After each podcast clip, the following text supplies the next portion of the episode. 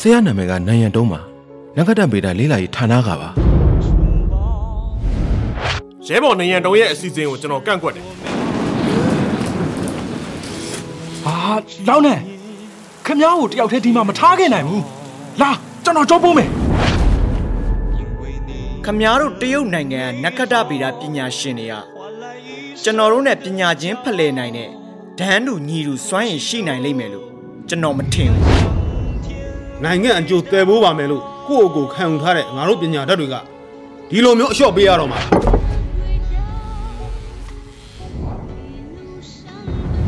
မင်းရဲ့ရေဒီယိုမှန်မြောင်းစီမံကိန်းကိုမဖြစ်ဖြစ်အောင်ဆက်လုပ်သွားရမယ်ငါတို့နက္ခတ္တပေတဲ့ပညာရှင်တွေကဒီလိုမျိုးလူတစုပြီးတစုအဆက်မပြတ်လက်ဆင့်ကမ်းပြီးတော့ဘဝတစ်ခုလုံးနဲ့ရင်းပြီး နက္ခတ္တရာတွေကိုစောင့်ရှောက်ကြည့်ရှုခဲ့ရတာပေါ့ကွာ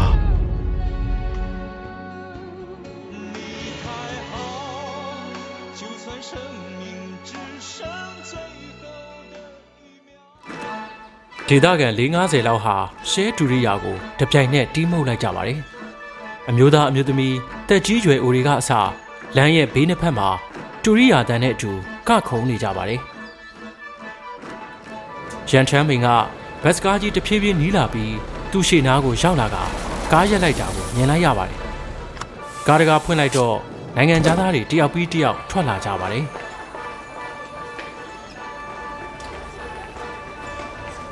ဒီလူတွေကသူတို့ရဲ့တူရိယာတန်နဲ့အဆူအကကိုအရန်စိတ်ဝင်စားနေမှန်းသိတာပါတယ်။ကားပေါ်ကဆင်းတာနဲ့ကင်မရာကိုထုတ်ပြီးတပုံမီတပုံရိုက်နေကြပါတယ်။ရန်ချမ်းမင်ရဲ့မျက်လုံးက လူအုပ်ကြီးထဲမှာလိုက်လံရှာဖွေပြီး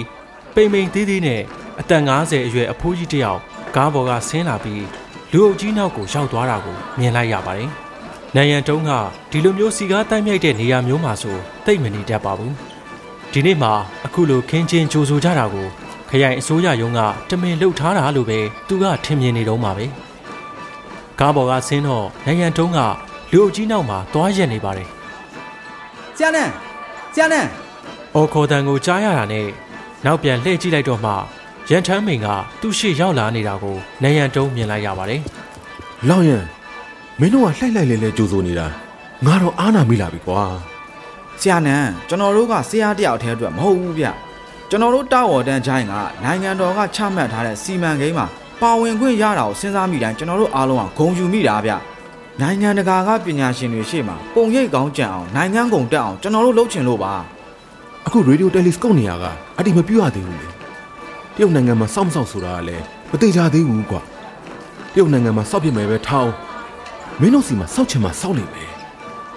မင်းတို့ဘက်ကဒီလောက်ထိစူးစမ်းထားပြီးမှအရွေးမခံရရင်ဘယ်လိုလုပ်မလဲကွာရန်ထမ်းမင်ကလူရိုးတယောက်လိုပြုံးကြည့်လိုက်ပါတယ်ဆရာနန်းဆရာပြောတာတွေကိုကျွန်တော်တို့အကုန်လုံးနားလဲပါတယ်ကျွန်တော်တို့ကစူးစမ်းကြည့်မလို့ပါဖြစ်မြောက်သွားရင်တော့အကောင်းဆုံးပေါ့ဗျာ မရတော့လဲကျွန်တော်တို့နောင်တမရပါဘူးစူးစမ်းရယူကြည့်မလို့ဟုတ်လားဟုတ်တယ်ကျွန်တော်တို့စူးစမ်းကြည့်မလို့ပါနိုင်ရန်တုံးကရန်ထမ်းမင်ရဲ့စကားကိုတေချာပြန်တွေးမိသွားပါတယ်ရန်ချမ်းပင်ကပွင့်လင်းတဲ့အပြုံးနဲ့ပြုံးရည်လိုက်တာဖြူဖွေးနေတဲ့သူ့သွားတွေတောင်ပေါ်လာပါတယ်။နိုင်ရန်တုံးမြဲရွက်ဖိန်တို့ တရုတ်သိပ္ပံပညာရှင်တွေအပြင်ဖိန်ထန်ခရိုင်ကကြီးရွာသားတွေရဲ့စူးစမ်းမှုကြောင့်နိုင်ငံတကာပညာရှင်အဖွဲ့ကတောက်ဝတန်ကြိုက်လေးလာစစ်ဆေးမှုဟာအောင်မြင်စွာပြီးဆုံးသွားခဲ့ပါတယ်။ပညာရှင်အများစုကဒီနေရာမှာအကြီးစားရေဒီယိုမှန်မြောင်းတိစောက်ဖို့ကိုအားပေးကြပါတယ်။1995ခုနှစ်နိုဝင်ဘာလမှာအမေရိကန်နိုင်ငံက Scientific Journal ကနေ A Great Leap Forward ဆိုတဲ့ဆောင်းပါးရှည်တစ်ခုကိုရေးသားခဲ့ပါတယ်။ ဆောင်းပါးထဲမှာတရုတ်နိုင်ငံကွေကျိုးပြည်နယ်ကတဝေါ်တန်ကြိုက်မှာအပြည်ပြည်ဆိုင်ရာရေဒီယိုမှန်မြောင်းတိဆောက်ရေးစိတ်ကူးကိုအသေးစိတ်ရေးသားထုတ်ဖော်သွားခဲ့ပါတယ်။အပေါ်ယံကြည့်ရင်တော့အရာအလုံးကကောင်းတဲ့ဘက်ကိုဥတီပြီးသွားနေတာပါ။နေရန်တုံးကိုယ်တိုင်ကလည်းအစတုန်းကအဲ့လိုပဲထင်မြင်ခဲ့တာပါ။ဒါပေမဲ့အချိန်သိမ့်မကြာလိုက်ပါဘူး။ဒီကိစ္စဟာမတိမတာလေးပြောင်းလဲမှုတွေရှိလာတာကိုနိုင်ရန်တုံးသတိထားမိလာပါတယ်။ နိုင်ငံတကာအလဲမှာဝေဖန်ကန့်ကွက်တန်တွေစတင်ထွက်ပေါ်လာပါတယ်။ဒီထဲမှာအဓိကအကျဆုံးဝေဖန်တန်ကတော့နိုင်ရန်တုံးအဆိုပြုခဲ့တဲ့ကွေကျိုးပြည်နယ်ကဂျိုင်ဝမ်နေရာကိုအသုံးချပြီးအချင်းတစ်မျိုးတည်းသောရေဒီယိုမှန်မြောင်းတစ်ခုကိုတိစောက်တဲ့ကိစ္စဟာဤပညာပိုင်းအရာကြည့်ရင်ခစ်ကုန်းနေပြီလို့ဝေဖန်ကြပါတယ်။တကယ်တော့ရေဒီယိုမှန်မြောင်းစပေါ်လာချိန်ကလေးကဤပညာလမ်းကြောင်းနှစ်ခုရှိခဲ့ပါတယ်။ပထမဤပညာလမ်းကြောင်းကစင်ငယ်အပါချာလို့ခေါ်ပါတယ်။ ပြောရရင်တော့ရေဒီယိုမှန်မြောင်းကိုတက်နိုင်သမျှကြီးအောင်လုပ်ပြီးအေယာမကြီးမားတဲ့ area တိုင်နဲ့စက်ကြောလာဟိုးအတွင်းထဲကထုတ်လွှတ်လိုက်တဲ့ရေဒီယိုအချက်ပြမှုကိုရနိုင်တဲ့လောက်ဖမ်းယူဖို့ပါပဲ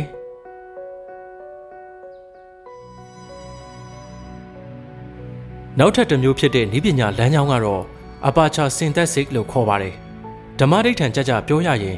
ဒီနည်းပညာလမ်းကြောင်းနှစ်မျိုးကကိုအားတာချက်နဲ့ကိုရှိကြပါတယ် ဘယ်လမ်းကြောင်းကိုရွေးချယ်အသုံးပြုမလဲဆိုတာဟာအချိန်အခါနေရာအနေအထားနိုင်ငံအခြေအနေအစရှိတဲ့အကြောင်းရင်းတွေကိုထည့်သွင်းစဉ်းစားရတာပါအဲဒီနောက်မှာတော့အပြည်ပြည်ဆိုင်ရာရေဒီယိုမှန်ပြောင်းစီမံကိန်းရဲ့နာမည်ပါပြောင်းလဲမှုဖြစ်လာပါတယ်အစတုန်းက large telescope လို့ခေါ်ခဲ့ရာက square kilometer array SKA လို့ပြောင်းလဲခေါ်ဆိုခဲ့ကြပါတယ် SKA ရဲ့အဓိပ္ပာယ်က student kilometer area တိုင်တိစောက်မှုပါဆောက်လုပ်ရေးပိုင်းမှာ area တိုင်မျက်နှာပြင်အကျယ်1 student kilometer ရှိတဲ့ရေဒီယိုမှန်ပြောင်းတစ်ခုကိုတိစောက်ဖို့တောင်းဆိုထားပါတယ်တကယ်တော့ဒီတစ်ချက်ကအပါချာစင်သက်စိတ်နည်းပညာလမ်းကြောင်းဘက်ကိုဥတည်နေတာပါ SKA စောက်လို့ရေးလိုအပ်ချက်ကိုဖြည့်ဆည်းပေးဖို့နိုင်ရန်တုံးကစင်ငယ်အပါချာနဲ့အပါချာစင်သက်စိတ်နည်းပညာနှစ်မျိုးစလုံးကိုပေါင်းစည်းလို့ရနိုင်မယ့်အစီအစဉ်တစ်ခုကိုအဆိုပြုခဲ့တာပါ တာဝတန်ချိုင်းမှာအချင်း300မီတာဝန်းကျင်ရှိတဲ့ရေဒီယိုမှန်မြောင်းကြီးတစ်ခုတိစောက်ပြီးဘေးပပတ်လေကကီလိုမီတာ4-500အတိုင်းအတာအတွင်းမှာရေဒီယိုမှန်မြောင်းငယ်တွေနဲ့စဝိုင်းလိုဝန်းရံထားမှာပါဒီအဆိုပြုချက်ကတကယ့်ကိုစေတနာအပြည့်နဲ့ပါတစ်ချိန်တည်းမှာပဲတရုတ်နိုင်ငံနဲ့အတူဩစတြေးလျတောင်အာဖရိကအာဂျင်တီးနားသုံးနိုင်ငံတို့ဟာလည်း SKA စီမံကိန်းတွေဟာရွေးချယ်ဖို့ရှင်ပြိုင်နေကြပါတယ်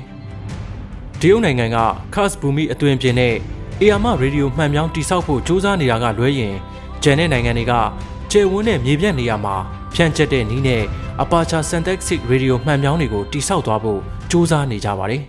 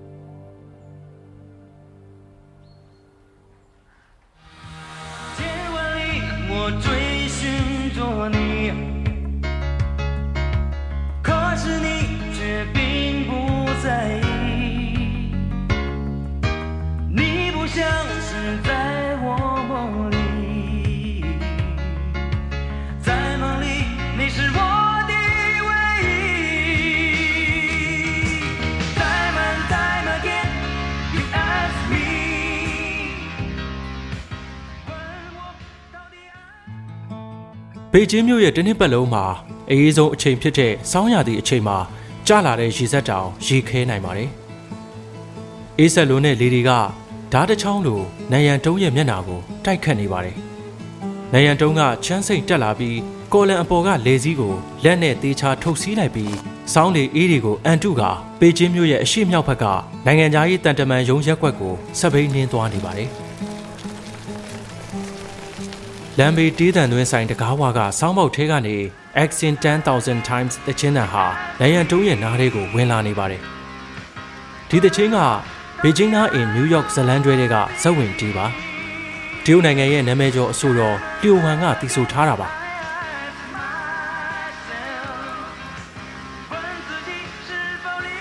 ဒီဇလန်တွဲကတရုတ်လူမျိုးတယောက်က ပင်လယ်သမုဒ္ဒရာတွေကိုကြော်ဖြတ်ပြီးအမေရိကန်နိုင်ငံမှာစီးပွားရေးသွားထူထောင်တဲ့ဇလန်တပုတ်ကိုရိုက်ကူးထားတာပါအဲ့ဒီခေတ်တုန်းက CD ဆက်ကတော်တော်လေးတန်ဖိုးကြီးတဲ့အရာပါလူငယ်တွေကတော့ပုံမှန်အားဖြင့် Walkman နဲ့ကက်ဆက်ခွေထည့်ဖွင့်ပြီးတချင်းနားထောင်ကြတာပါဘေကျင်းမြို့ရဲ့လမ်းမလမ်းသွယ်နေရာတိုင်းမှာကက်ဆက်ခွေရောင်းတဲ့ဒေးသံသွင်းဆိုင်တွေကိုမြင်တွေ့နိုင်ပါတယ်။ဒီဆိုင်တွေကအများအပြားစောင်းမောက်ကိုစီရှိကြပြီးလမ်းသွားလမ်းလာတွေကိုတနေကုန်ခစ်ပေါ်ဒေးသချင်းတွေဖွင့်ပေးထားတတ်ပါတယ်။ တရုတ်နိုင်ငံအခြေစိုက်အမေရိကန်တန်ယုံကဗီဇာယုံအပြင်ဘက်ကိုရောက်လာခဲ့ပြီးနိုင်ရန်တုံးဟာစပိန်တော့ခက်ကခေါင်းမော့ကြည့်လိုက်ပါတယ်အမလီအင်တာဗျူးဖို့စောင့်နေကြတဲ့လူတွေတန်းစီကြတာမီတာတရာနီးပါးလောက်တောင်ရှိတယ်ဆော့ဆော့ထားပေမဲ့လည်းနောက်ကြတာကနောက်ကြတာပဲ။နိုင်ရန်တုံးကတီးတိုးရေရွတ်လိုက်ပြီးနောက်ဆုံးကနေဝင်တန်းစီလိုက်ပါတယ်။နိုင်ရန်တုံးအင်တာဗျူးဖို့အလှည့်ရောက်တဲ့အချိန်မှာနေ့လယ်12နာရီထိုးပါတော့မယ်။ နိုင်ရန်တုံးကအေးအေးတန်ကြောင့်ထုံချင်းနေတဲ့ခြေနှစ်ဖက်နဲ့အမေရိကန်တန်ယုံရဲ့ဗီဇာယုံတွေကိုတရင်တရိုင်ရှောက်လာပါတယ်မင်္ဂလာပါဗီဇာပြန်လာလောက်တာပါ။နိုင်ရန်တုံးကခက်ထူထူရှိတဲ့မှန်မတင်းပေါက်ထဲကအသက်ငယ်ငယ်နဲ့ဗီဇာယုံအရာရှိကိုနှုတ်ဆက်လိုက်ပြီးခက်တီတီနဲ့ဝင်ထိုင်လိုက်ပါတယ်။ဗီဇာယုံအရာရှိငယ်လေးကအနောက်တိုင်းဝတ်စုံနဲ့နက်တိုင်ကိုတက်တက်ရရဝတ်ထားပြီးမျက်လုံးကလန်းလန်းဆန်းဆန်းရှိနေပါတယ်မစ္စတာနန် ခမားအင်တာဗျူးဖြေနိုင်မှုကျွန်တော်မျှော်လင့်ပါတယ်ဒါမဲ့အဲ့ဒီမတိုင်ခင်မှာတော့ကျွန်တော်ကျင်တဲ့လောက်တဲ့အဖြေကိုခမားဖြေနိုင်ရမယ်ကောင်းပြီငါအတက်နိုင်ဆုံးဖြည့်ပေးမယ်ကဲကျွန်တော်ကြည့်ကြည့်အောင်နိုင်ရန်တုံး J1 ဗီဇာလျှောက်ဖို့ဟောအလဲဘက်ပညာရှင်မျိုးစားပဲဟုတ်ပါတယ်ခမားကဘာအတွက်နဲ့အမေရိကန်နိုင်ငံကိုသွားကျင်ရလဲကျွန်တော်ဟာအမေရိကန်နိုင်ငံကအမျိုးသားရေဒီယိုနက်ခတ်ဗေဒလေ့လာရေးဌာနရဲ့ဖိတ်ခေါ်မှုအရာ ပညာရေးဖလှယ်မှုလုပ်ဖို့သွားတာပါအဓိကဖလှယ်မဲ့နယ်ပယ်ကရေဒီယိုနက်ခတ်ဗေဒနဲ့နက်ခတ်တယူပဗေဒတွေပါသူတို့ကကျွန်တော်ကိုဖိတ်ကြားလွှာပို့ထားပါတယ်။အရာရှိကအမူအရာမပြတ်ပဲနိုင်ရန်တုံးရဲ့စာရွက်စာတမ်းတွေကိုလှန်လောကြည့်နေပါတယ်အဲ့ဒါဆိုရင်ခမားကနက္ခတ္တဗေဒပညာရှင်တယောက်ပေါ့ဟုတ်ပါတယ်ကျွန်တော်ကဘေကျင်းနက်ခတ်တဗေဒလေ့လာရေးဌာနမှာအလုပ်လုပ်ပါတယ်ဒါနဲ့အမေရိကန်နိုင်ငံကိုရောက်ရင် ခမားမှာတတ်မှတ်ပြီးသားအစီအစဉ်တွေရောရှိလားဘယ်စာအုပ်နေရာတွေကိုခမားသွားလင်ပါလဲနယူးမက္ကဆီကိုပြည်နယ်ကဗီယယ်လီကိုတွားဖို့စီစဉ်ထားပါတယ်ပြီးတော့ပေါ်တိုရီကိုကိုယ်ပိုင်အုပ်ချုပ်ခွင့်ရဒေသက REC ဘိုရေဒီယိုမှတ်ပြောင်းကိုတွားကြည့်ဖို့လည်းပြင်ဆင်ထားပါတယ်။အော်ကျွန်တော်သိရသလောက်တော့ဒီအစာအုပ်တွေကခင်းမီဆုံးသိပ္ပံပညာအစာအုပ်တွေဗျာ။တာမန်ပြည်သူတွေတော့ဝင်ခွင့်ပေးမှာမဟုတ်ဘူးထင်တယ်။အရာရှိကမျက်မှောင်တစ်ချက်ကျုံသွားပါတယ် ဟုတ်ပါတယ်ကျွန်တော်မိတ်ဆက်ခဲ့တဲ့အတိုင်းပဲပေါ့ဗျာကျွန်တော်ကနက္ခတ္တဗေဒပညာရှင်ဖြစ်တဲ့အပြင်ရေဒီယိုနက္ခတ္တဗေဒအပိုင်းမှာလည်းအလုပ်လုပ်တဲ့အတွက်တာမန်ခီးသွားတော့မဟုတ်ပါဘူး။အဲ့ဒါဆိုကျွန်တော်သိချင်တာတစ်ခုရှိတယ်ဗျာ။ခင်ဗျားတို့တရုတ်နိုင်ငံကရောအမေရိကန်နိုင်ငံကနက္ခတ္တဗေဒပညာရှင်တွေကိုသက်ဆိုင်ရာအစာအုပ်တွေဝင်ရောက်ကြည့်ရှုခွင့်ပေးထားရလားပေးထားပါတယ်ဘေကျင်းမြို့မှာပါကျွန်တော်တို့ရဲ့ NAOC ရေဒီယိုနက္ခတ္တဗေဒလေ့လာရေးဌာနရဲ့ ပြီးတော့ယူနန်ပြည်နယ်ဖုံဝမ်တောင်ရေဒီယိုနက္ခတ္တဗေဒလေ့လာရေးဌာနတွေမှာကဘာအရက်ရက်ကလာရောက်တဲ့နက္ခတ္တဗေဒပညာရှင်တွေကိုအခန့်ခဲ့ပူးပါတယ်အဲ့ဒီလူတွေထဲမှာအမေရိကန်နိုင်ငံကသိပ္ပံပညာရှင်တွေလည်းပါဝင်ပါတယ်ကျွန်တော်တို့အချင်းချင်းရဲ့ပညာရေးဖလှယ်မှုကတော့တန်းတူညီတူပါပဲပြီးတော့နန်ဂျင်းမြို့ကချစ်ကျင်တောင်နက္ခတ္တဗေဒလေ့လာရေးဌာနဆိုရင်ခမရတို့အမေရိကန်နိုင်ငံသားတွေအသွားအလာတော်တော်များပါတယ်။ နိုင်ရန်တုံးကဗီဇာယုံကအရာရှိမေးသမျှကိုပွင့်ပွင့်လင်းလင်းနဲ့ဖြေချပေးလိုက်ပါတယ်မစ္စတာနန်ကျွန်တော်ကနက္ခတ္တဗေဒပညာရှင်မဟုတ်ပေမဲ့ကျွန်တော်သိရသလောက်ဗျာခင်ဗျားတို့တရုတ်နိုင်ငံကသိပ္ပံပညာရပ်ပိုင်းရဲ့ထိပ်တန်းဝင်နက္ခတ္တဗေဒပညာရပ်ပိုင်းမှာကျွန်တော်တို့အမေရိကန်နိုင်ငံနဲ့တကယ်ပဲရင်ပေါင်တန်းနိုင်လိမ့်မယ်လို့ခင်ဗျားထင်လားခင်ဗျားခုနကပြောသွားတဲ့အဆောက်အဦတွေကကျွန်တော်တို့အမေရိကန်နိုင်ငံကခင်ဗျားကိုလေးလာခွင့်ပေးထားတဲ့အဆောက်အဦတွေနဲ့ တကယ်ရောဒန်းတူညီတူရှိလို့လားဗျာခမရတို့ကအခုထိတောင်နိုဘယ်ဆုတဆုတောင်ရဘူးသေးတာမဟုတ်ကျွန်တော်ပြောတာမဟုတ်လို့လား။အရာရှိကမေးခွန်းတွေဇက်တိုက်ထုတ်လာပါတယ်။နိုင်ရန်တုံးကလည်းမျက်မှောင်ကျုံပြီးခါမက်မက်ထိုင်လိုက်ကအရာရှိရဲ့မျက်နှာကိုစေ့စေ့ကြည့်လိုက်ပါတယ်နေပါဦးကျွန်တော်တို့တရုတ်နိုင်ငံသားတွေနိုဘယ်ဆုရတာမရတာနဲ့ဗီဇာလျှောက်တာဘယ်လို့များပတ်သက်နေလို့လဲ။အရာရှိလည်းရုတ်တရက်ကြောင်သွားပြီး နိုင်ရန်တုံးရဲ့အချက်လက်တွေကိုခေါင်းငုံကဆက်ကြည့်လိုက်ပါတယ်ခမရအခုတစ်လားဝင်ငွေဘယ်လောက်ရှိလဲထောက်နေရယွမ်ခမရအမေရိကန်မှာသွားလည်မဲ့စီစဉ်ကတိတ်များသလိုပဲခမရရဲ့ခီးစိတ်ကိုခမရဘယ်လိုပေးချေမှာလဲကျုပ်လှုပ်ဌာနပေးမှာပေါ့ဗျာတရုတ်နိုင်ငံသိပ္ပံအကယ်ဒမီကျောင်းကကျုပ်ခီးစိတ်ကိုထုတ်ပေးတယ်ဩအဲ့လိုလားခဒါပေမဲ့အဲ့ဒီကုန်ကြစရိတ်ကနည်းနည်းနော်နော်တော့မဟုတ်ဘူးနော်ခမရဘာသဘောလဲ နိုင်ရန်တုံးရဲ့မျက်လုံးထဲမှာဒေါသအရိပ်ရောင်တွေထွက်လာပါတယ်အမေရိကန်နိုင်ငံကကမ္ဘာပေါ်မှာခင်းမီဆုံးစက်ပစ္စည်းကိရိယာတွေပိုင်ဆိုင်ထားတာဆိုတော့ခမားလိုပညာရှင်တွေအတွက်အကောင်းဆုံးထောက်ပံ့မှုတွေပေးနိုင်တယ်ခမားတော်နိုဘယ်ဆုရချင်ရနိုင်သေးတယ်ခမားအမေရိကန်နိုင်ငံမှာနေပြီးတော့ခမားရဲ့နက္ခတ္တဗေဒလေ့လာရေးကိုဆက်လုပ်သွားဖို့စိတ်ကူးမရှိဘူးလားမရှိဘူးမစ္စတာနယ်ခမားကိုကျွန်တော်ဗီဇာမထုတ်ပေးနိုင်ကျုပ်လည်းထင်ပါတယ်ဘာကြောင့်လဲဆိုတာမေးလို့ရမလားဘူးဘာကြောင့်လဲဆိုရင် ခမားတို့တရုတ်နိုင်ငံကနက္ခတ္တဗေဒပညာရှင်တွေကကျွန်တော်တို့နဲ့ပညာရေးဖလှယ်နိုင်တဲ့ဒန်းတူညီတူစွမ်းရည်ရှိနိုင်လိမ့်မယ်လို့ကျွန်တော်မထင်ဘူးပွင့်လင်းလင်းပြောရရင်ခမားအမေရိကန်နိုင်ငံကိုသွားတဲ့ရည်ရွယ်ချက်ကိုကျွန်တော်မသိငါဘူးအဲ့ဒီတည်ငါလေးမှာလဲချောင်းထဲကိုသွေးအလေးလေးတက်လာသလိုနိုင်ရန်တုံးခန်းစားလိုက်ရပြီးအုံနောက်တစ်ခုလုံးထူပူသွားပါတော့တယ်ဒါပေမဲ့လည်းဒီတည်ငါတခဏလေးပါပဲ နိုင်ရန်တုံးကစိတ်တည်ငြိမ်အောင်အလင်းအမြန်ပြန်ထိန်းလိုက်ပါတယ်ထိုင်ကုန်ပေါ်ကနေနိုင်ရန်တုံးဖြည်းဖြည်းချင်းမတ်တက်ထရက်လိုက်ပါတယ်မန်ထူကြီးကာထားပေမဲ့အလင်းနှစ်ကိုယ်တောင်ထိုးဖောက်နိုင်တဲ့သူ့ရဲ့အကြည့်နဲ့မှန်ကြက်ရဲ့အနောက်မှာထိုင်းနေတဲ့ဗီဇာယုံကအရာရှိကိုတေချာကြည့်လိုက်ပြီးအခုလိုပြောလိုက်ပါတယ်ကောင်းလေးမင်းအတွေးလွန်သွားပြီဒီစကားကိုပြောပြီးတာနဲ့နေရန်တုံးကကောင်တာပေါ်ကနိုင်ငံကူးလက်မှတ်ကိုပြန်ယူလိုက်ပြီးကုတ်အင်းကြီးအတွင်းထဲကအင်းကြီးအိတ်ထဲကို ဟမ်မပြတ်ပြန်ထည့်လိုက်ကတကားကိုတွန်းဖွင့်ပြီးလှည့်ထွက်လာလိုက်ပါတော့တယ် 我今生看来注定有独行，